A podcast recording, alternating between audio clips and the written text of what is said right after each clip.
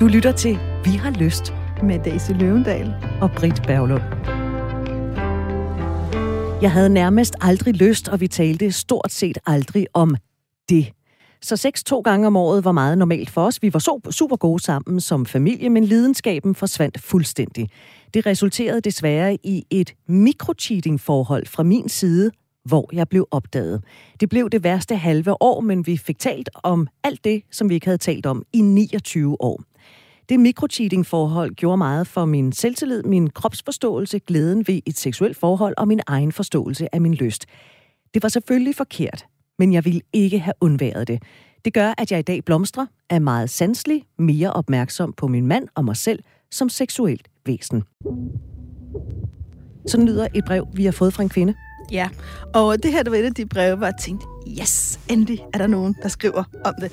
Fordi jeg har længe rigtig, rigtig gerne ville sætte fokus på det her mikrocheating.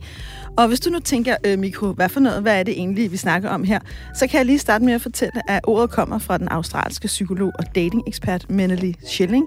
Og det er i virkeligheden små handlinger, man gør på det digitale platforme, som indikerer, at man er følelsesmæssigt eller fysisk fokuseret på et menneske uden for det primære parforhold. Og det kan jo så være alt fra små beskeder, poking, likes, udveksling af billeder, og jeg har en vis erfaring fra mit samtalerum om, at det her rent faktisk sker. Jeg har ikke kunne finde nogen tal, der fortæller, hvor mange der har gjort det, men det er noget, jeg har hørt flere og flere berette om gennem de senere år, og nogle gange eskalerer det helt ud til fysiske, seksuelle gammeldags møder, som det også foregik i 40'erne, og andre gange er det den der gråzone af, det startede med lidt snak, så sendte jeg et billede i bikini, så fik jeg et billede, så sendte jeg et billede, og lige pludselig så er man suget ned i noget. Hvis vi lige skal have lidt fakta på plads til at begynde med, 68 procent af danskerne er på sociale medier dagligt. Altså 7 ud af 10 af os skøjter rundt på de sociale medier hver evig eneste dag. Vores medieforbrug, det er forholdsvis højt. Det er op på syv timer. Der er sådan medieforskere, der siger, at det nærmest ikke kan blive højere, hvis vi stadigvæk skal sove, og vi også stadigvæk indimellem skal arbejde. Og det skal vi jo. Vi er på sociale medier, mens vi gør andre ting. Det kan jeg for eksempel ikke meget genkendende til, når jeg ser tv.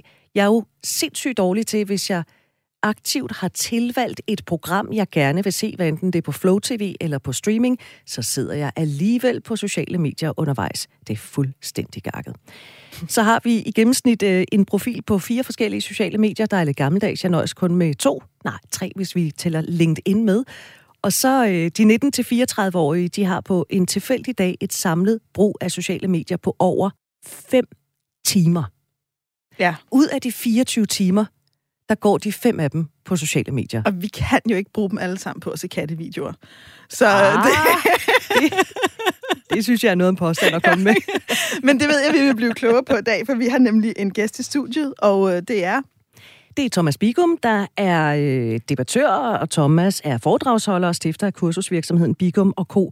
Thomas underviser blandt andet i brugen af sociale medier markedsføring, og også hvordan man brander sig selv på sociale medier. Så du er jo det helt perfekte menneske at have med, når vi skal tale om mikrocheating, som jo foregår som oftest via sociale medier. Velkommen til, Thomas. Tak skal du have. Mikrocheating. Er det noget, du har erfaring med, ud over dine klienter, Daisy? Må jeg være så fri at spørge om det? ja, det må du gerne må spørge om alt. Øh, nej, altså, når, når jeg sådan tøver lidt, så tænker jeg, altså man kan sige, jeg har et meget vil jeg sige åben forhold til min mand, det kan godt misforstås. Men jeg tror ikke, jeg gør noget på de sociale medier, han ikke vil være okay med, og jeg har faktisk ikke en hemmelig telefon.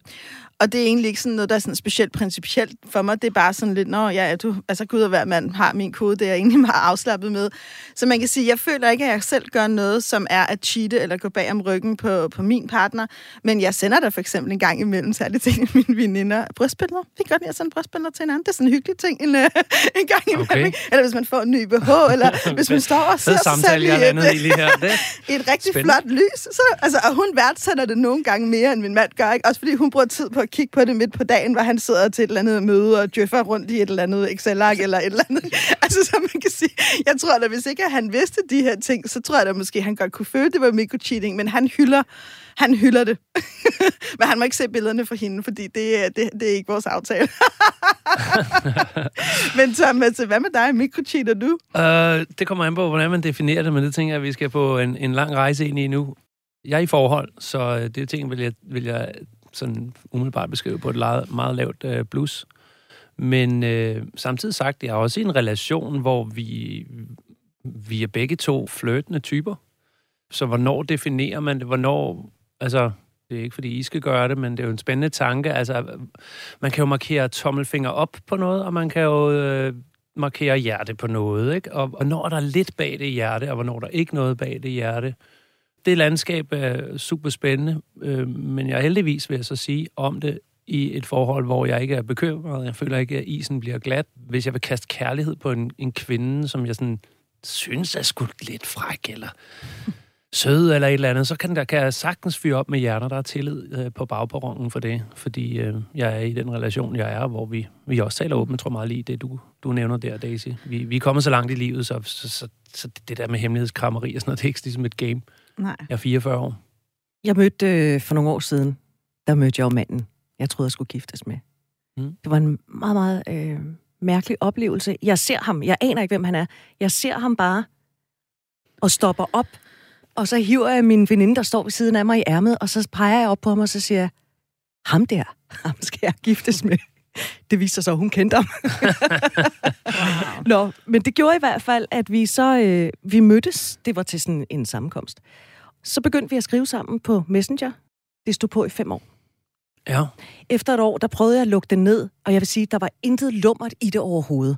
Jeg fandt ud af, at jeg skulle ikke giftes med ham, fordi han var allerede, jeg ved ikke, om han var godt gift, han var i hvert fald gift, så det- den blev ligesom lukket ned. Men han blev ved med at kontakte mig.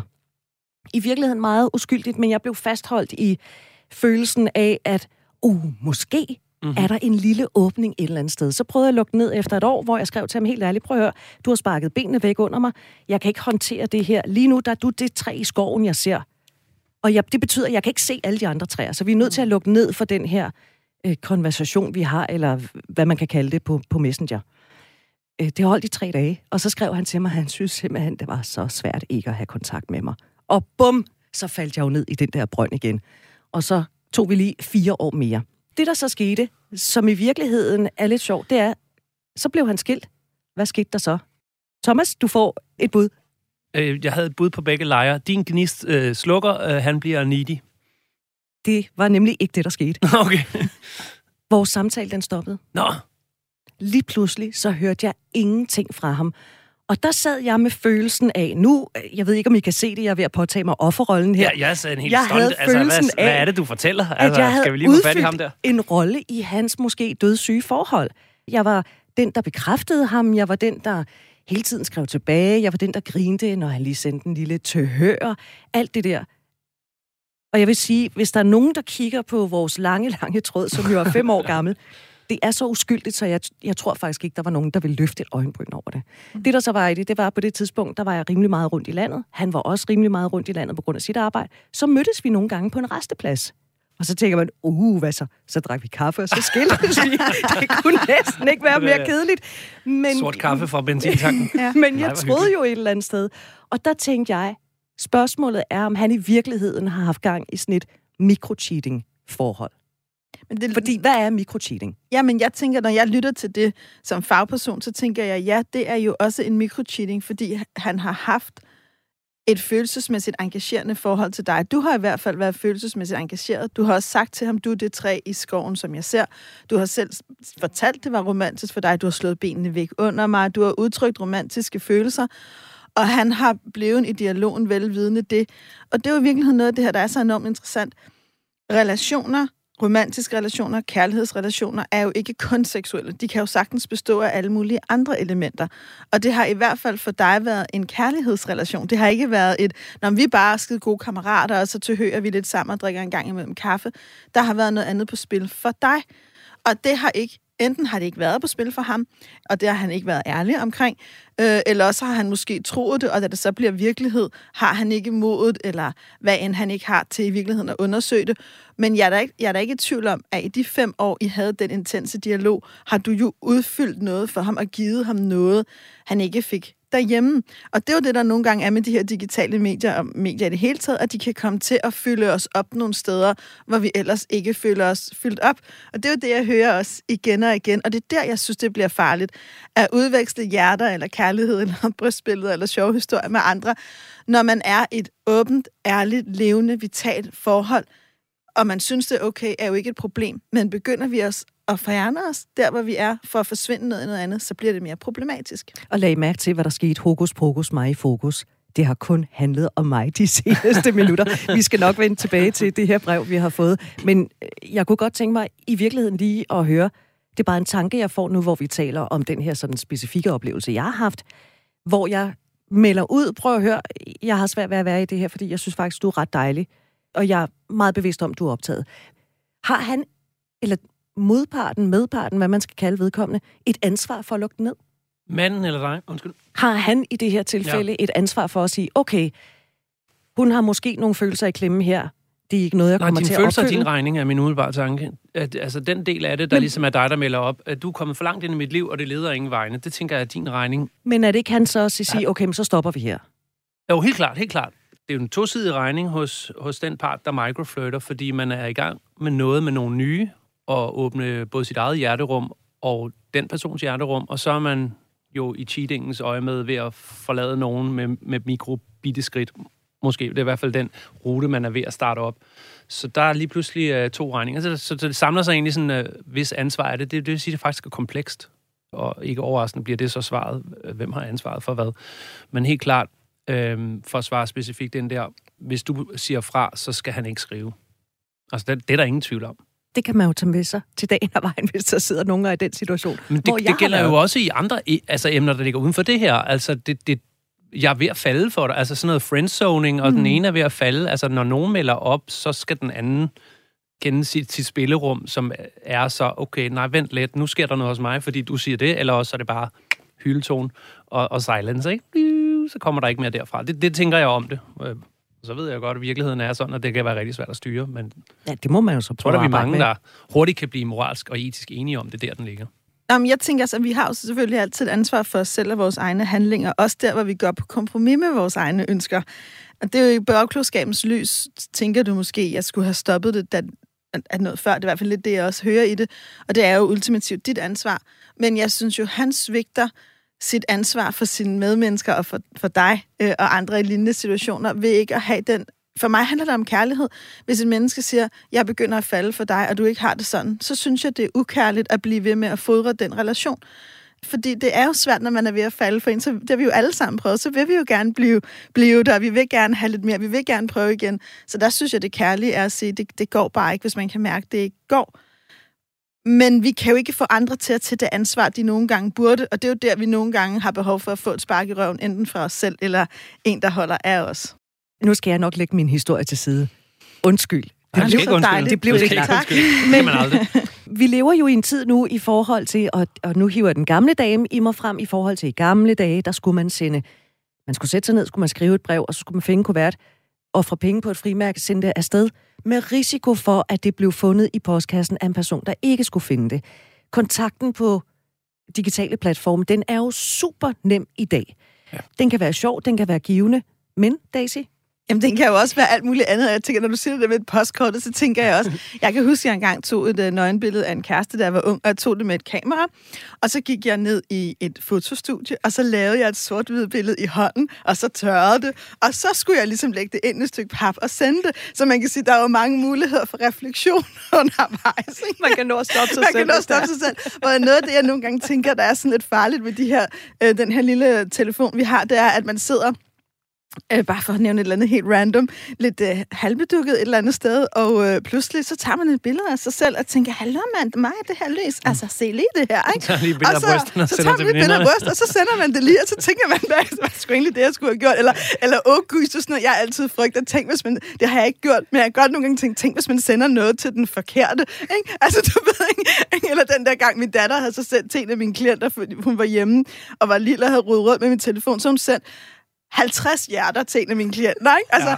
Og det er man heldigvis, altså kender ham rimelig godt, og jeg ringede ham op og sagde, jeg håber, du ved, at det ikke var for mig, og at vi grinede af det, det var fint. Men tænk, hvis det havde været et andet billede, hun havde sendt. Det var lidt svært, ligesom at banke tilbage på, ikke? Og nok øh, i- den historie derude, der er der. Øh, jeg, jeg kan ikke skrive mig ind under at have sendt noget forkert.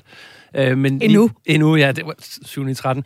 Øh, Britt, øh, der hvor du siger, send et brev. øh, Den, den lidt sen, senere moderne udgave, det var det der med at skulle ringe på fastnettelefonen for ja. at tale med en fra klassen, men forældrene tog jo telefonen. Altså, man skulle jo, der var jo ligesom en gatekeeper på det, ikke? Det er rigtigt. I forhold til brevpost, mm. hvor du siger, en anden kunne hente det i postkassen. Det var det mindes jeg var det samme på fastnettelefonen. Ja. Hvor man ligesom kunne lave en aftale. Altså, jeg ringer i aften, gider du ikke lige tage den, før dine forældre tager den? Men det betyder ja. jo, i dag der er det jo faktisk relativt nemt at føre en parallel tilværelse Ja. på de sociale medier.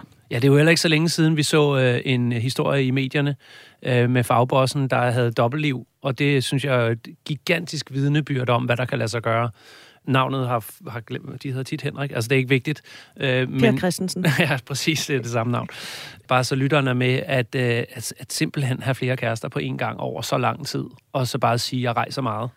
Det er jo helt ufatteligt, men det, jeg tænker, det fører ned til øh, de digitale værktøjer, vi har til at kunne øh, både starte øh, relationer op i, øh, i de skjulte og føle os fristet af det, og så til at føre det ud i livet. Øh, en lille genial øh, øh, utroskabscomputer, vi har, den der øh, øh, telefon, ikke? Jo, fordi der er meget, meget kort fra, fra tanke til handling. Det er enormt nemt at få gjort et eller andet. Mm. Øh, der er ikke den der, man skal hente frimærke, hvor man kan nå at tænke undervejs. Og så er der en anden ting, jeg har tænkt mig omkring det her. Det er, der er en helt særlig grusomhed i, og det har jeg oplevet nogle gange øh, blandt mine klienter. Hvis en opdager en digital cheating, eller en utroskab, eller en affære, man opdager de, altså alle de der digitale spor, det der med at kunne læse og se ned igennem en andens adfærd. Ikke? Fordi en ting er jo måske at få at vide, om din mand eller kone havde en affære på arbejde. Noget andet er lige pludselig at komme til at åbne det der sted, hvor man ser, hvad de har skrevet til hinanden, hvornår de har skrevet det, lydfiler, der har været der, billeder, der er udvekslet. Det gør så sindssygt ondt. Altså, der er sådan et eller andet helt vildt grusomt i det der, at man på den måde bliver vidne til noget.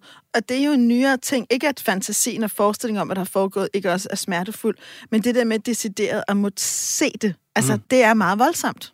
Ja, Teateret spiller sig lige ud der, linje for linje. Manuskriptet for, hvad der er foregået, ligger der.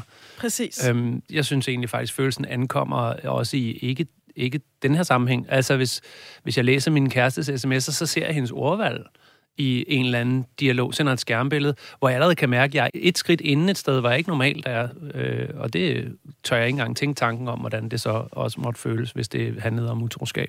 Vi åbner et sårbart sted, når vi begynder på skrift. Altså, det, jeg vælger, er mine ord, er mine ord. Og når andre begynder at beskue det, så står man jo ligesom til regnskab for, hvorfor sagde du det, du sagde?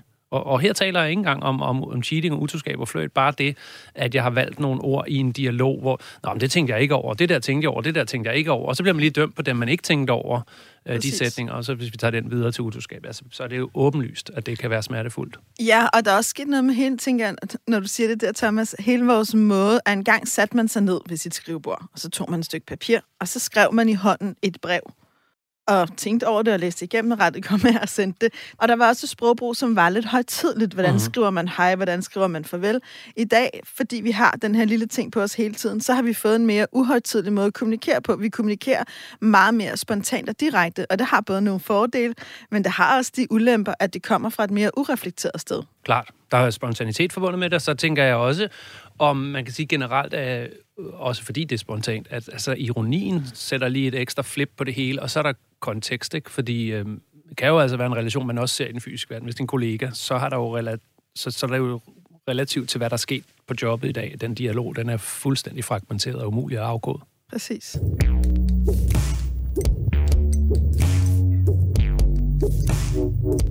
Du lytter til Vi har lyst på Radio 4. Daisy Løvendal er i studiet. Jeg hedder Britt Berglund. Og så har vi i denne her udsendelse besøg af Thomas Bigum, der er debattør, foredragsholder og stifter af Bigum Co. Thomas underviser blandt andet i brugen af sociale medier. Også hvordan man brander sig selv på sociale medier. Det er måske i virkeligheden også noget af det, vi kommer lidt ind på i det her. Vi taler om mikrocheating i dag, fordi vi har fået et brev fra en kvinde, der fortæller, at øh, hun har mikrocheatet, hvor hun blev opdaget. Hun skrev, det blev det værste halve år, men vi fik talt om alt det, som vi ikke havde talt om i 29 år. Så vi har talt meget om, hvad man sådan kan risikere, men hun skriver jo, at for det første, så fik de jo så talt om alt det, de ikke havde talt om i 29 år. Og så skriver hun videre, det mikrocheating-forhold gjorde meget for min selvtillid, min kropsforståelse, glæden ved et seksuelt forhold og min egen forståelse af min lyst. Så hvad kan man og nu kommer måske et forbudt spørgsmål. Hvad kan man vinde ved at mikrocheate? Kan man overhovedet... Mi- altså, det- nå, men det- jeg kan godt, jeg kan Jamen, godt mærke, det der brev er til mig, der var jeg helt overrasket over, den sluttede godt, den historie der. Ja. Altså, hun bliver mere bevidst om sig selv. Og, og det er jo ikke en opfordring til, at man skal begynde på det, hvis man ikke gør det, men hvad siger du, Daisy? Lige noget, du langer ud i, uh, i, i terapien der. Ved du hvad, jeg synes, du skulle gøre? Ja, jeg synes, du skal finde dig en uh, Find nogen, du kan poke. Lover. Ja, nej, det vil jeg aldrig nogensinde gøre. Men jeg vil sige, nu har jeg jo delt noget, noget personligt af mig, som er mine billeder. Jeg tror, det er vigtigt, når man er i et forhold. Jeg tror, det er vigtigt, uanset om man er i et forhold eller single, at man har nogle kilder til noget, der i virkeligheden oplader ens livsenergi, som giver ja. følelsen af, mm, livet er også lidt sjovt, og vi kan også have den. Lyst og glæde handler jo også om nogle gange at gøre det lidt forbudt, at have nogle legekammerater, at have nogle hemmeligheder med nogen. Det, der er så vigtigt, er, at man har det på en måde, der ikke skader ens forhold, og så har vi jo i vores forhold forskellige grænser, og øhm, og det er, hvad det er. Så man kan sige, og det er jo netop noget af det, hun beskriver, når vi nu tager den positive vinkel, det er, at hun fandt en legeplads, og hun fandt mm. en legekammerat, og mikrocheating blev for hende et rum til i virkeligheden at se sig selv som sexet og hot og lækker, og måske prøve nogle ting af. Og nu er det bare sådan, at jeg har været terapeut øh, og seksolog og parterapeut længe nok til at vide, at nogle gange finder vi også de dele af os selv, når vi gør det, vi ikke burde. Det er ikke ideelt, men det er meget menneskeligt. Og det er jo der, hvor de sociale medier kan være så lokkende, fordi det er ikke helt det samme som at have en affære med Michael fra marketing. Det føles lidt mindre farligt, fordi det er jo bare billeder og på skrift, og fordi man ikke skal møde personen i virkeligheden. Så derfor bliver det lidt mere lokkende. Jeg vil aldrig anbefale det som vejen, men jeg forstår godt den psykologiske mekanisme, der er i det, at man får lov til at gå ud og være noget andet end, end den der, som kæresten tror, man er, som hele tiden ser en i joggingtøj, mens man vasker op, ikke? I introen der, der fortæller jeg, at jeg er i en relation, hvor der er tryghed.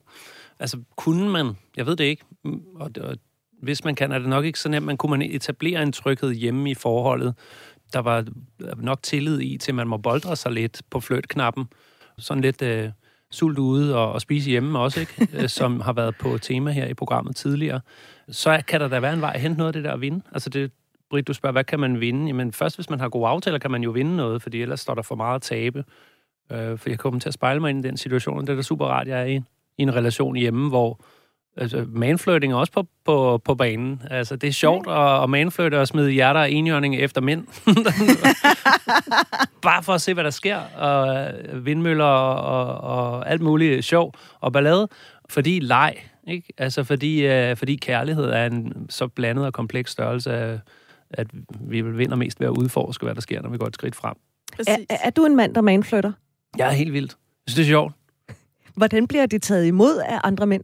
Øhm, det er blandet. Jeg tror...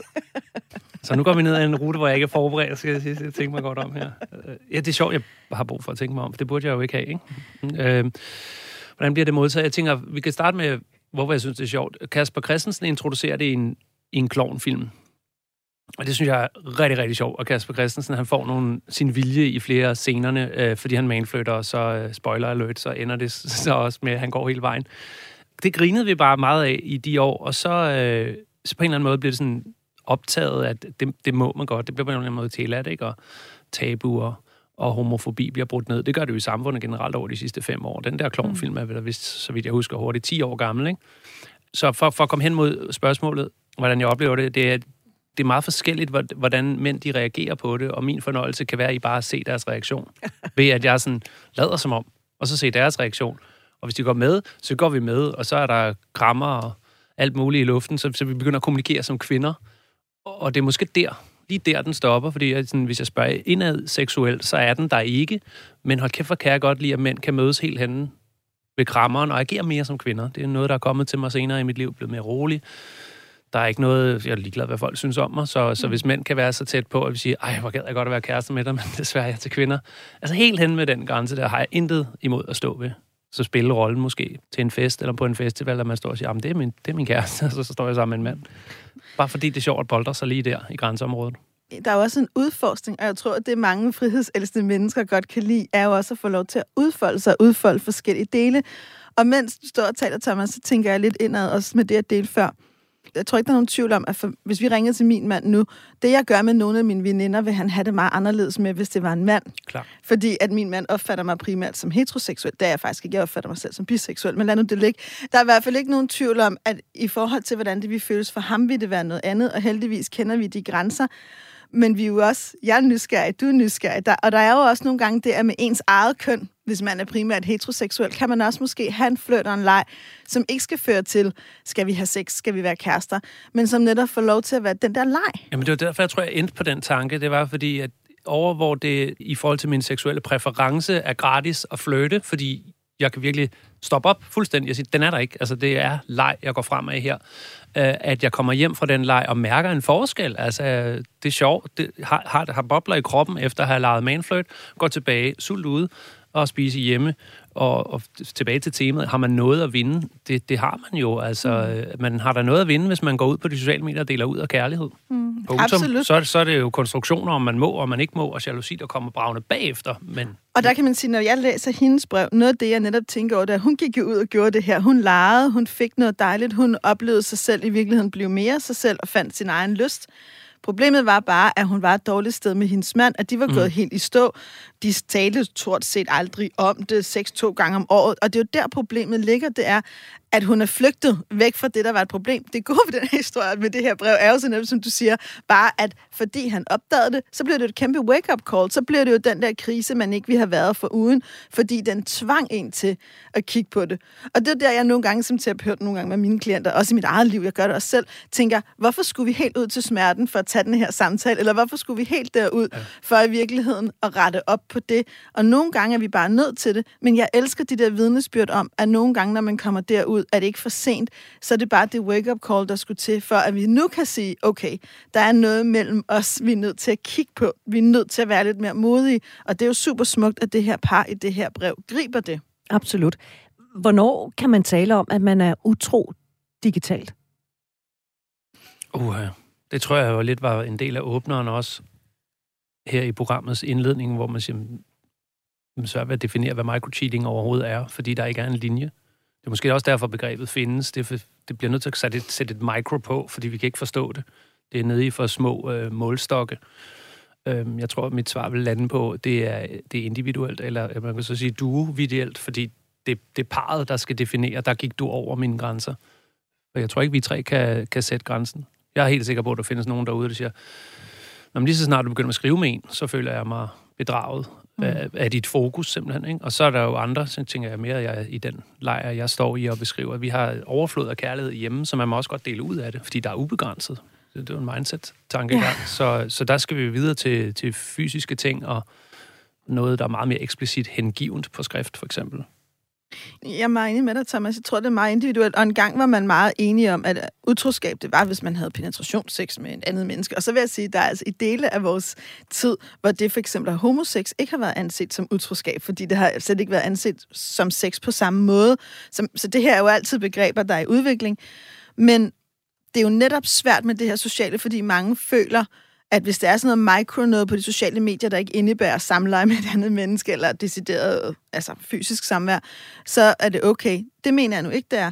Og jeg tænker i virkeligheden, at de fleste af os har en meget fin mavefornemmelse. Altså, de fleste af os har jo en eller anden følelse af, okay, er jeg på vej et sted ud, hvor jeg kan mærke skammen, hvor jeg kan mærke, uh, det her skulle min partner ikke vide. Hvis vi begynder, at, så snart man mærker den der følelse, så snart man har den tanke, så er en meget god tommelfingerregel at stoppe op så skal du lade være med at prøve at bilde dig selv ind, at det er helt okay. Så er du nødt til at være lidt mere ærlig der og sige, ej, nu er jeg på vej ud på et skråplan. Er det lige så øh, forkert? Altså, jeg kan kun stille spørgsmål, der lyder mærkelige, fordi at, altså, alt efter hvordan man framer mine spørgsmål, så er det lidt som, når det synes du åbenbart. Og der vil jeg bare sige, jeg synes ikke noget som helst. Jeg synes bare, man skal, man skal lade være med at være en idiot i virkeligheden. Så har jeg ligesom, det kan vi starte med. Så, så har jeg ligesom sagt det. Men nu kommer vi så til det, de der spørgsmål, der kun kan lyde forkert. Er det lige så forkert at være utro digitalt, som ude i den virkelige verden, hvor man møder nogen, og man kanaler med dem? Ja, hvad siger så den? Prøv lige at gentage det. Er det lige så... Hvad skal jeg sammenligne, siger du? Er det lige så forkert at være utro digitalt, som hvis man er utro ude i den virkelige verden med rigtige møder? Og jeg kan sige til jer, der ikke kan se Thomas, og det er der rigtig mange af jer, der ikke kan, han ser meget tænkende ud. Ja. Ja, men det, jeg tror, jeg angriber... Du finstiger ned i gulvet. Jamen, jeg, jeg bliver nødt til at angribe din præmis for spørgsmålet. Øh, Kom med det, Thomas. Og det er, fordi du siger lige så og forkert. Det vil sige, at der er kun øh, rigtigt og forkert. Altså sådan en dualitet i det. Det er sådan enten eller spørgsmål, du stiller. Ja. Og hvor er nuancerne så? Jamen, jeg vil tilbage til nuancerne, og så er jeg faktisk der, hvor jeg var for fem minutter siden. Det er jo forskelligt fra parforhold til parforhold. Er det lige så forkert? Det er fordi, at du kan finde et parforhold, hvor den forrådte person kan sige, det er præcis det samme. Det synes jeg over i min krop, og det kan vi tre jo ikke stå og bestemme. Og så kan du finde et andet parforhold, hvor du siger, oh, det var, det var bare et lille symptom på et dårligt forhold, som, som jeg synes, brevet måske øh, har lidt mere af. Ikke? En mand, der, der, der går ind i den der øh, og, og vil arbejde med sin, med sin kvinde. Øh, kvinden så også arbejde med sig selv. Så jeg synes bare faktisk, brevet er vidnesbyrdet om, hvorfor du ikke kan stille spørgsmålet. Fordi du kan ikke sammenligne det. Bum for, et, bum for et politikersvar, hva'? Nej, nej, Det det skal jeg ikke svare. Ved du hvad, det der sker nu, det er, nu streger jeg det spørgsmål ud på papir, og så siger jeg, så spildte vi tre minutter af dig som blev, lytters øh, tid. Så strækker jeg lige uh, ryggen herover. Den, den kommer jeg, det var efter den der bundstigning i går. Nej, nej, nej, vi blev jo klogere, og så er vi jo tilbage til en anden kæphest, så er man jo nødt til at tale om det, ikke? Har I sagt det mange gange her i det her ja, Ja, fordi nu er vi tilbage. I virkeligheden er vi jo nødt til at sætte os ned og have en samtale om utroskab. Hvad er egentlig utroskab? Fordi mm. utroskab er jo noget, vi ikke må, eller der går ud over vores fællesskabs grænser. Og det er jo noget, man er nødt til i virkeligheden at definere sammen. Og jeg kan godt nogle gange, når jeg bliver en sur gammel dame, lidt tænke, at det skulle vildt nok for hvor mange mennesker, jeg møder, altså fysisk, eller der skriver til mig her, eller der, eller alle vegne, der, der i virkeligheden ikke har haft den samtale, uanset om de er 16, eller 46, eller 76, at de ikke har spurgt, hvad er egentlig utroskab for dig? Mm. Eller prøv en gang at høre her, skat, jeg har lige lyst til at fortælle dig med lidt af mine grænser.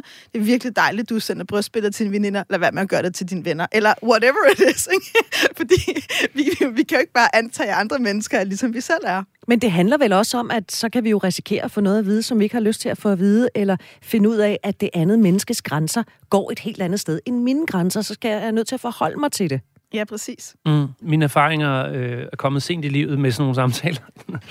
øh, Nej, du er kun 44. ja, relativt til de 44, vil jeg så sige, så er det kun i de sidste øh, 10 procent af mit liv, jeg har kunne finde ud af at have sådan nogle samtaler der. Og det er med den seneste kvinde også, hende jeg er sammen med i dag, hvor jeg, jeg stepper lidt over i, hvor lytteren kan få et takeaway fra, fra en størrelse som mig. En mand, der sådan har været emotionelt lidt stumpet, men har fundet lidt mere dybde i de senere år. At øhm, se på sådan nogle samtaler som muligheden for vækst og growth på engelsk. Mm. Altså at gå ind i den svære samtale med en så helt klart usikkerhed og en ængstelse for at få at vide noget, man ikke kunne lide at høre, som du siger, Britt. Og så øhm, stole på, at ude på den anden side, der kommer der et release, som, som kroppen kan have. For eksempel lige når man er kastet op, hvor man bare har det for fedt i kroppen. Man kommer af med et eller andet. Øhm, og det har så med den partner, jeg har i dag, lidt til, at det er et ord, vi bruger. Skal vi lige sætte os og tage noget growth? og så er der en svær samtale forude, dyb indånding, og øh, så er det jo en selvforstærkende fortælling, at man siger til sig selv, jeg skal vokse af det her, jeg skal blive klogere, jeg skal finde ro, at man faktisk kan komme ud efter sådan en samtale og, og have det ret godt. Er det nogle samtaler, som I jævnligt tager? Øhm, definere jævnligt.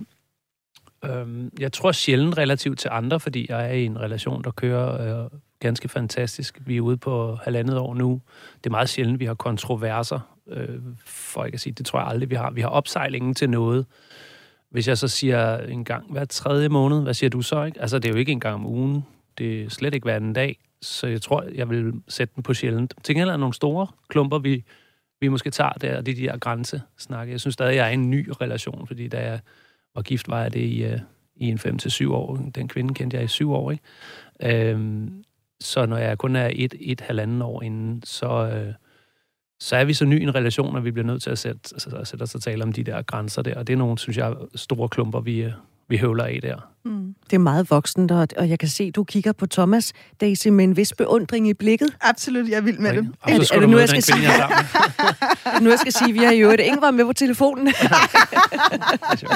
var sjovt, ikke? Nå, nej, men jeg, jeg, jeg er rigtig glad for, øh, jeg, jeg synes, det er rigtig vigtigt, at du deler det, du gør, Thomas. Øh, også fordi, det kan jeg jo høre på det, du fortæller, at du ikke altid har været sådan. At du ikke Mm. er vokset op i en hippie-familie, hvor jeg sidder og drukker te i rundkreds og taler om jeres følelser. Så det er jo rart, at, så, og jeg tror, det betyder meget for folk at høre, at man kan godt, nu sagde du afstumpet, det ville jeg aldrig have kaldt dig, men, men at man faktisk kan bevæge sig og faktisk mærke, at det her er godt. Men Ja. jeg bliver også nysgerrig. Hvad gav dig lysten til at lave den bevægelse ind i dig selv? Britt står og nikker herre mig. Det var også mit næste spørgsmål. det var måske også mit eget næste spørgsmål. Hvad var det egentlig, der var dealbreakeren? Øhm, jeg havde en kæresterelation, hvor øh, jeg, blev, jeg var den forladte part. Det var hende, der brød. Og det havde jeg ikke noget erfaring med, og det bragte mig nye steder hen. Det er sådan set det, der er svaret. Mm. Øh, god gammeldags kærestesorg, kan man kalde det. Der var tunge skyer, og jeg tænkte, okay, jeg skulle lige ud i en skov og kigge ind i, i det, jeg kalder skov-tv. Det vil sige et bål, der brænder. Så, så nogen ser øh, syv sæsoner af Game of Thrones, jeg ser syv sæsoner af et bål, der brænder. Øhm, og det var, en, det var en rimelig lang periode for mig. Øh, et halvt år gik, og et helt år gik. Selvfølgelig stod jeg ikke helt stille, men kom ud på den anden side med det. Den, den næste relation, jeg fandt, det er så hende, jeg er sammen med i dag. Der vil jeg bare noget andet. Jeg vil være mere klar. Og så, så jeg tror, jeg har sådan en klassisk fortælling om, at jeg skulle igennem noget svært for at stå på den anden side rigere. Mm. Og ængstelsen for, at det skete igen, gjorde, at jeg stillede flere spørgsmål til relationen. Er vi afklaret her? Er vi afklaret her? Fordi jeg havde jo fået reflekteret ude ved mit skov-tv, at det var, fordi jeg ikke havde nogen samtaler med den kvinde, som forlod mig. Der havde vi ikke taget noget meget elementært, som hvor vi er på vej hen, for eksempel. Og det var det, der var en del af, at, at brudet sker, så, så melder hun om, jamen det er også, fordi jeg ikke ved, hvor vi skal hen. Og, og jeg var sådan, hvorfor skal vi nogen sted hen? Det går skide godt. Og så, så går hun ud af døren, og så sådan, Nå, det kunne være, man skulle have spurgt, eller sagt noget. Så det, det er historien om det. Øhm, mm. Og jeg tror altså, sandheden om det er, at jeg, jeg kunne ikke ende der, hvor jeg er i dag, hvis ikke jeg havde været nede i smerten.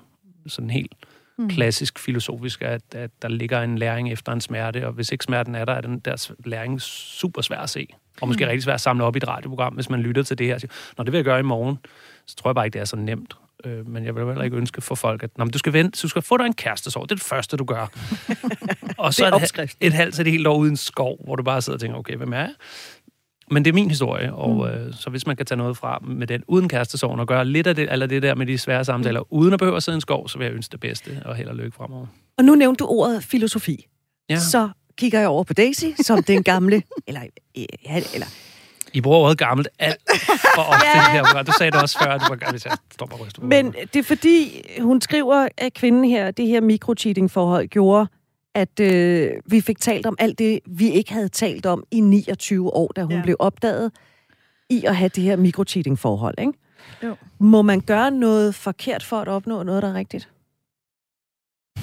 Nu sætter jeg mig ned og læner mig tilbage og venter på svaret. Spørgsmål. Ja, nu skal du høre, kan han tale om det kategoriske imperativ? Hvis du spørger ham, så svarer nej. Ikke?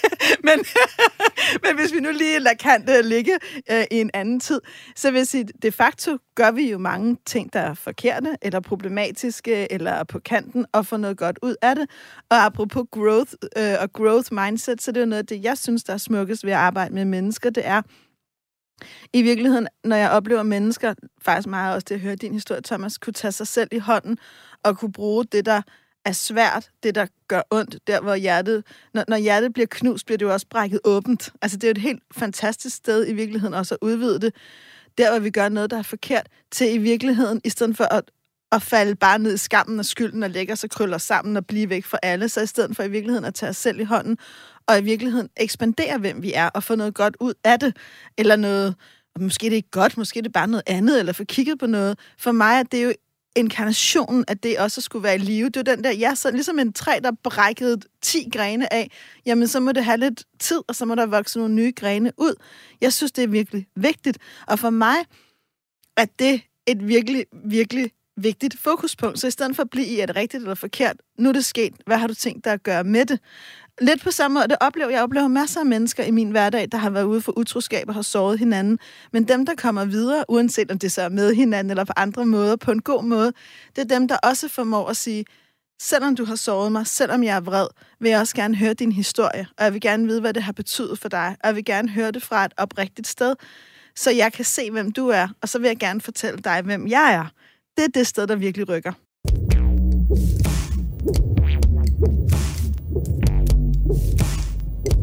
Du landede midt i Vi har lyst på Radio 4. Daisy Løvendal, jeg hedder Britt Berglund, og så har vi besøg af Thomas Bigum, der øh, blandt andet er stifter af kursusvirksomheden Bigum og Co. og Thomas underviser, blandt andet i brugen af sociale medier, også hvordan man brander sig selv på sociale medier. Og vi taler om mikrocheating, fordi vi har fået et brev fra en kvinde, der fortæller, at hun øh, rent faktisk har været i sådan et mikrocheating-forhold det værste halve år, skriver hun. Men så fik hun sammen med sin partner talt om alt det, vi ikke havde talt om i 29 år. Og vi griber selvfølgelig det her brev til straks at tale om det her fænomen med mikrocheating. Thomas, som en mand, der er meget på de sociale medier, hvor meget tror du egentlig, at du er på sociale medier i løbet af dagen? Nu øh, havde jeg noget fakta til at starte med, at... Øh, vores medieforbrug op på syv timer om, om dagen. Ikke? Hvor meget vil du tro, at du er på sociale medier på en dag? Ja, mens vi har lavet optag, jeg tager min telefon op, for det kan man slå op, og øh, for 31 minutter siden gav Apple mig min skærmtid. Ja. Den henter den i dag. I dag har jeg været 31 minutter på. Hvis vi siger dag. lader. Og klokken er 10 nu, bare sådan for at give Ja. lidt kontekst. Her er jeg så sjældent, så jeg kan ikke se, hvordan jeg skal aflæse det. Mit gæt er, hvordan fanden går jeg en dag bagud? Mens du står Jeg får nuet, nå, men mit gæt er, at jeg ligger et sted mellem 5 og 8 timer. Det kommer sådan lidt an på, om jeg har været i vælten, ilden, foredrag, undervisning, så kan jeg ikke være på, fordi jeg skal noget andet i, i det job, jeg laver. Jeg kan ikke tage minipauser, hvis, hvis jeg har undervisning i markedsføring på sociale medier, så har jeg kun 12 minutter hver anden time. Ikke? det der med den telefon, det er jo, nu så du lagde den ned i lommen. Mm-hmm. Øh, min, den ligger her på bordet. Daisys ligger også på bordet. Øh, man føler sig hjemløs, hvis Britt, man ikke du- har sin Du telefon gik på på sig. gaden efter kaffe uden din telefon. Ja, det, Det gjorde jeg, jeg aldrig faktisk. finde på. Nej, Jeg, præcis. sk- se lytteren, jeg skrev til Britt, tag en kaffe latte med til mig, så bippede den herinde i studiet. Ding! Så jeg, det er bare løgn, så hun fucking ikke taget sin telefon. Så kan man jo ikke kommunikere med hende. Der er jeg jo så jeg en, finde på. en sand amatør. Ja. Men vi er jo vanvittigt afhængige af mm. vores telefoner. Det er den ting, der næsten er klistret, eller måske ikke hos En mig. forlænget arm, ikke? Øh, Ja, ja. Jamen præcis. Hvor stor en trussel er den mod vores, øh, vores liv og vores relation til andre mennesker, Thomas? Og der er ingen tvivl om, at den øh, laver nogle landevindinger på os, øh, teknologien. Altså, den, den går ind og tager noget af det, der, der, var, der er vores urmennesker og vores naturlige ting. Øh, vi kan starte et sted, det er, vi, vi føler, at vi har en masse venner, men, men det filosofiske spørgsmål er, det har vi dem, ikke? Så på den front kan man godt sige, at telefonen er farlig, fordi den er et, en placebo. Den, den, den går ind og erstatter noget, som ikke er reelt. Men så i det højere filosofiske lag, der, øh, der er det sådan, hjernerne er jo bare inde i en skal, der hedder kroppen. Man kan jo godt dø efter 70 år, og kun har været på sociale medier, og har faktisk haft et okay liv. Så, så i det spænderum er der heller ikke noget svar på det spørgsmål. Det, det kommer an på, hvordan man ser det. Mm. Men vi har mobbeteknik i skolen via de, de, de, de digitale apparater, så der kan man også sige, at den er en trussel. Og så er den blevet en sutteklud, når det er, vi ikke tør at tale med andre. Vi mm. generer det, så kigger vi ned i skærmen i en social sammenhæng. Det er tydeligt at observere på, på teenager og, og, og teenager i familiesammenkomster. Hvis de må i telefonen, så tager de den, Mm. fordi de synes, det er akavet. Ikke? Der vil jeg også sige, at der er en alvorlig front. Og jeg vil bare sige, at man skal bare tage en tur med kollektiv transport, så kan man også se, at der er stort set ingen mennesker, der kigger på hinanden, fordi alle kigger ned i deres telefoner. Ja. Mm. Der, der, der kiggede man så i Metro Express for, for 14 år siden, og Urban, kan I huske, der var, der var syv gratis aviser, aviser ikke, der skrev det samme alle sammen. Den front øh, handler jo om at, at fylde det tomme rum, så den vil jeg kalde mindre invasiv. Mens jeg synes, den, den mest invasive, det er den med suttekluden. Øh, at man, øh, man, man synes, det er svært at møde andre mennesker. Man prøver Tinder, og så når man kigger rundt på en café, hvor det var meningen, at man skulle bombe ind i nogen og flytte i en bar, så, så kan man kun ramme nogen, der kigger ned i telefonen. Eller har mm. høretelefoner i øh, ude i det offentlige rum, så man kan ikke sige dag øh, sådan i brede termer. Det er svært i hvert fald. Sværere. Det kræver lidt mere. Men jeg synes, det er et skide svært spørgsmål, og jeg, jeg er meget... Altså, jeg er on and off optaget af det, ikke? Fordi jeg kommer hele tiden tilbage til, at det kommer an på, hvordan vi bruger det. Altså, mm. vi, vi, vi er jo nødt til at have en bevidsthed. Der, folk var jo også ved at gå helt amok dengang, at telefonen kom, eller øh, fjernsynet kom, ikke? Ja, vi fik firkantet øjne jo. Ja, så fik man firkantede øjne, og hele livet var ødelagt, og der var ikke noget nærvær, ikke? Og, for Og hvis nylig- man onanerer meget, bliver man blind. Ja, præcis. Ikke? Altså, det hele er galt. Ikke? Altså, det, ikke? Og vi lærte af Søren Han Rasmussen for nylig, at uh, porno, det er det, vi ikke kan lide, hvorimod det, vi godt kan lide, det er jo bare erotisk kunst. Ikke? Altså, Ja. ja. altså, det hele er jo helt stor. Så jeg tænker, men det, der er helt sikkert, det er, vi er nødt til at være bevidste om, hvordan vi bruger vores telefon. Vi kan ikke bare vi, vi må ikke være blinde, og jeg har selv hjemme hos os, der har vi sådan en ting med, at vi lægger, øh, vi har sådan et gammelt møbel, som har været Ingvars tipoldefars, og han hed Arnold, så møblet hedder Arnold, og det er sådan en gammel skolepult, så vi smider telefonerne ned i Arnold, når vi kommer hjem og har noget mobilfri tid, øh, hvor det er, at man ligesom må lave, må lave andre ting. Og jeg er selv meget bevidst om ikke at tage min telefon med ind i soveværelset, ikke? fordi at der vil jeg faktisk gerne kigge på Ingvar, jeg vil gerne have, han kigger på mig og sådan noget. Ikke? Altså, ikke? Øh, så må jeg selvfølgelig nogle gange arbejde lidt for den, men lad nu det ligge. Ikke? Øh, men det er jo nogle bevidste valg, man kan træffe for i virkeligheden at skabe et rum til, der kan opstå noget andet. Der kan jo ikke opstå en skid, hvis man sidder to pisse trætte mennesker kl. 22.45 glor ned i hver ens telefon. Men hvis man sidder to pisse trætte mennesker og bare kigger på hinanden, så kan der nogle gange godt opstå noget. Jeg var for efterhånden en del år siden, der var jeg i biografen med en kæreste, jeg havde på det tidspunkt. Og det var et øh, lidt øh, usikkert forhold. Jeg vidste ikke rigtigt, hvad vej vi sådan skulle gå, om jeg havde ham, eller om jeg ikke havde ham. Altså, hvor er det her noget, der skal fortsætte? Øh, og det optog mig ret meget, og så sidder vi i biografen øh, lige før filmen den skal begynde, og der sidder han og sms'er med en anden kvinde. som jeg jo godt var klar over, han havde nævnt hendes navn utrolig mange gange i månederne op til, mm-hmm. hvor, jeg, hvor jeg var sådan, hvad, fanden er det, der foregår med hende? Og sådan noget, ah, men det er ikke noget, det er bare, det er bare en kammerat, jeg har mødt og sådan noget. Og, så, øh, og der ser jeg, han sms'er med hende lige før den her film, den skal begynde. Og jeg sidder så øh, under filmen og kan næsten ikke være min krop. Kender I, når man har myrer, der mylder rundt i hele kroppen? Nej. At det er så ubehageligt, fordi jeg er i en situation nu, Med som... mit hoved til gengæld. Jeg ved ikke, hvordan jeg kommer ud. Og da filmen så slutter, vi kommer ud af biografen, der knækker filmen fuldstændig for mig. Altså, jeg bryder sammen, og jeg er bare sådan, "Øh, hvad er det, der foregår? Med Der- ham eller uden ham? Med, med ham. Med ham. Det kan Ja. godt være, det var da I skiltes Nej. efter biografturen. Nej. Nej. Øh, og der gik det op for mig, det der med, at du kan jo godt være fysisk sammen med et andet menneske, men mentalt være sammen med en helt anden. Mm. Ja. Og det er jo i virkeligheden det, som vores telefoner Jamen, der skal og de have fat sociale Altså, medier... hvad fanden de, laver han også?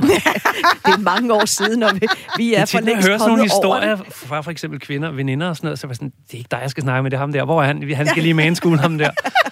Nu vel, han kan, han kan måske også være ikke så committed til det forhold, men så var det også det, han skulle sige i den der man to man. Den lavede du bare ikke, den der. Gjorde du det? Det er rigtigt. Hvor blev Brita? Ja, den fuckede du skulle selv op, altså. Men der er jo det der med, at vi kan være sammen med nogen fysisk, uden egentlig at være sammen med dem, fordi at så sidder vi og har en, noget kørende med... Altså En anden. en, ja, en samtale med en anden via sociale medier, for eksempel. Ja, det er jo en uvane. Altså, man kan sige, det, jeg, jeg, altså, jeg tror, det er vigtigt, at man har nogle... Jeg synes, det er uhøfligt. Jeg har det selv sådan, at jeg, når jeg er sammen med mennesker, som jeg har en aftale med, eller om det er lige meget, om det er, hvem det er, så prøver jeg at gøre mig umage for, at min telefon ikke er der. Og jeg er faktisk så gammeldags, at hvis jeg nogle gange er nødt til at have den der, så, så undskylder jeg lidt på forhånd og siger, jeg kan godt finde på at sige, jeg har lige telefonen liggende, fordi min søn, han skal lige sende mig en besked, når han er på vej hjem fra fodbold. Men når han så har sendt den besked, så lægger jeg den væk igen. Og det, og det er noget at gøre, for ikke at komme til at blive distraheret. Øhm, jeg er så ikke mere heldig, end jeg er så nogle gange, hvis jeg er til et møde, godt lige kan finde på, hvis nogen går ud og lige tjekker, at der lige sker et eller andet spændende, men så væk igen. Men det er jo på en eller anden måde et forsøg på at danne nærvær, og jeg tror, det er vigtigt, at vi, at vi netop ikke dyrker det der for meget med at være et sted fysisk og et andet sted i vores tanker. Mm. Og det er jo også det, der går galt for mange par. De sidder og taler om sexløse ægteskaber, og den ene sidder foran computeren og ser porno, og den anden ligger på Netflix og ser, uh, ser Bridgerton eller et eller andet. ikke? Og det giver mange ting, men det giver ikke særlig meget nærvær. Hvad siger du, Thomas? Jamen, jeg kan ikke skrive mig ind i historien om, at jeg er super god til at lægge telefonen øh, frem mig, så lige hvor jeg lige måske flaggede ham der i historien og siger, den lavede du bare ikke, så tænker jeg, "Nå, den har nok også selv lavet et par gange. Noget jeg lige at reflektere. øh, men jeg føler mig, tror jeg, kommer måske ikke altid i mål med det over for min partner og tidligere partner, men hvis man har haft gode samtaler inden om, hvad er det, broen går til, Mm. her i Brids historie ser du jo noget ud af øjenkrogen, og du har nogle ubesvarede spørgsmål angående, hvem der kommunikeres med. Hvis man har haft nogle gode samtaler inden, øh, så, så kan det skabe en, en bedre ro i forbindelse med at se modparten tage telefonen op. Eksemplificeret ved, at jeg er en lille smule på arbejde. Hvis jeg er tagget i tråde, og nogen stiller spørgsmål i studiegrupper, jeg underviser til daglig, man har en Facebook-gruppe, folk kan spørge om lektier, der er noget om aftenen, der gør, at jeg skal kigge mod min telefon. Og øh, øh, jo længere jeg er kommet ind i parforholdet, desto mere ved min partner, at det, det er nok overvejende sandsynlighed af det, jeg åbner for. Hvis jeg så åbner et eller andet øh, bondegårdsspil, hvor jeg skal høste noget ved, så kan vi jo tale om, at det den gider du godt lade være. Er det god brug af vores tid sammen, Thomas? Nå, men det kan også være, fordi man skal bruge ved for at få en ny ko. og min datter, hun er på højere level end mig, og det kan jeg bare overhovedet ikke have. Så jeg skal lige tvære hende ud i heyday. Hvis jeg lige skal komme med en krølle på halen, hvad der, hvad der så skete efter den øh, biograftur, det var så, vi gik fra hinanden, og yes, han blev kæreste med hende, han sms'ede med. Nå, jeg er nået Det var jo også historien om, du var inde og tjekke, om han blev kærester med hende. Nå, Eller- det, det, var, det vidste jeg jo bare. Det- Nå, jeg nået dertil, hvor der på mit papir står konkrete redskaber til dig, som lytter med. og der hiver jeg en sætning frem, som blev sagt af Jakob Kærgaard i programmet, du har allerede nævnt det, Thomas, programmet, der handlede om at få appetit ude og spise hjemme. Jeg synes simpelthen, det er så vis en sætning, som man kan bruge i rigtig mange henseender. Også i forhold til de programmer, vi laver. Hvis du ikke har lyst til at dele det, Så skal du præcis. Jeg hæftede mig også ved den. Det var, det var med med vildt. Er I de første, der har sagt det? Jeg, jeg tror, det var et sammenkår af jer, var- og så Jakob. Jakob. Ja, men altså, Altså, det er jo i virkeligheden Tænker en ret simpel sætning, men den giver jo så meget mening, når man siger den højt. Mm. Har jeg lyst til at dele det her? Det har jeg ikke. Så skal jeg måske gøre det. ja. Eller i hvert fald, så skal Ja. jeg begynde at reflektere Jeg over, hvad er det, jeg er gang i? Jeg satte den på den den jeg havde tidligere i det her program, om øh, at, at stole på, at en svær samtale kan give growth på den anden side, og kan bringe forholdet kan ekspandere forhold, så det rummer simpelthen mere lige efter, og, og det er godt at udvide ting her i universet, særligt på kærlighedsfronten. Øh, så jeg tænker, jeg vil godt sælge den op som en kusine til den, det er bare at stole på, at der kommer, kommer vækst ud af det.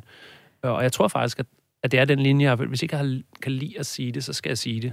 Det handler så ikke nødvendigvis lige om at afsløre, hvad jeg har gang i på anden side, men også bare at, at gå ind i... Altså, jeg havde lidt mere konkret med sådan parforhold, men jeg synes, du var pisse irriterende forleden. Er det, er det det, jeg kan forvente mere af? Eller, eller jeg synes, du sender signaler om, jeg er irriterende, øh, så det ikke lige er på microcheating, som vi taler om i dag, men bare, øh, det er også ubehageligt at spørge om det. Fordi situationen kan meget nemt være øh, i, en, i en voksenrelation, hvor man har børn i hver sin lejr, og nu er det blevet den uge, hvor vi kan se, skider man spille sin mand der på den her, og man er, mm. hun lige kommet ind ad døren, den er klokken er 17, og, og nu skal der ske alt muligt.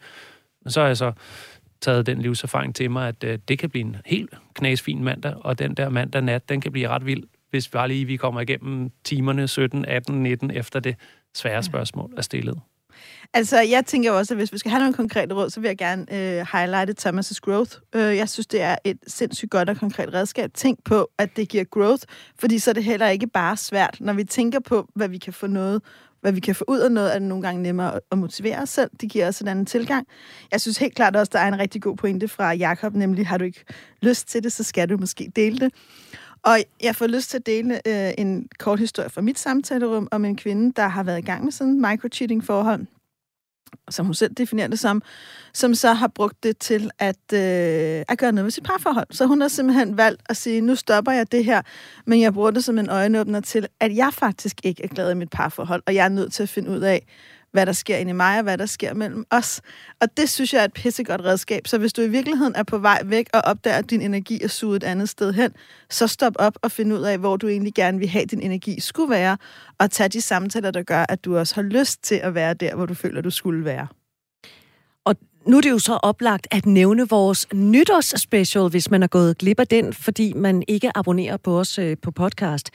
Øh, fordi det var sådan noget, der kun udkom på podcast. Altså, mikrocheater du, fordi du ikke har det forhold og eller den sex, du gerne vil have, ja, så skulle du altså tage og downloade vores lille nytårsspecial. Det er seks råd.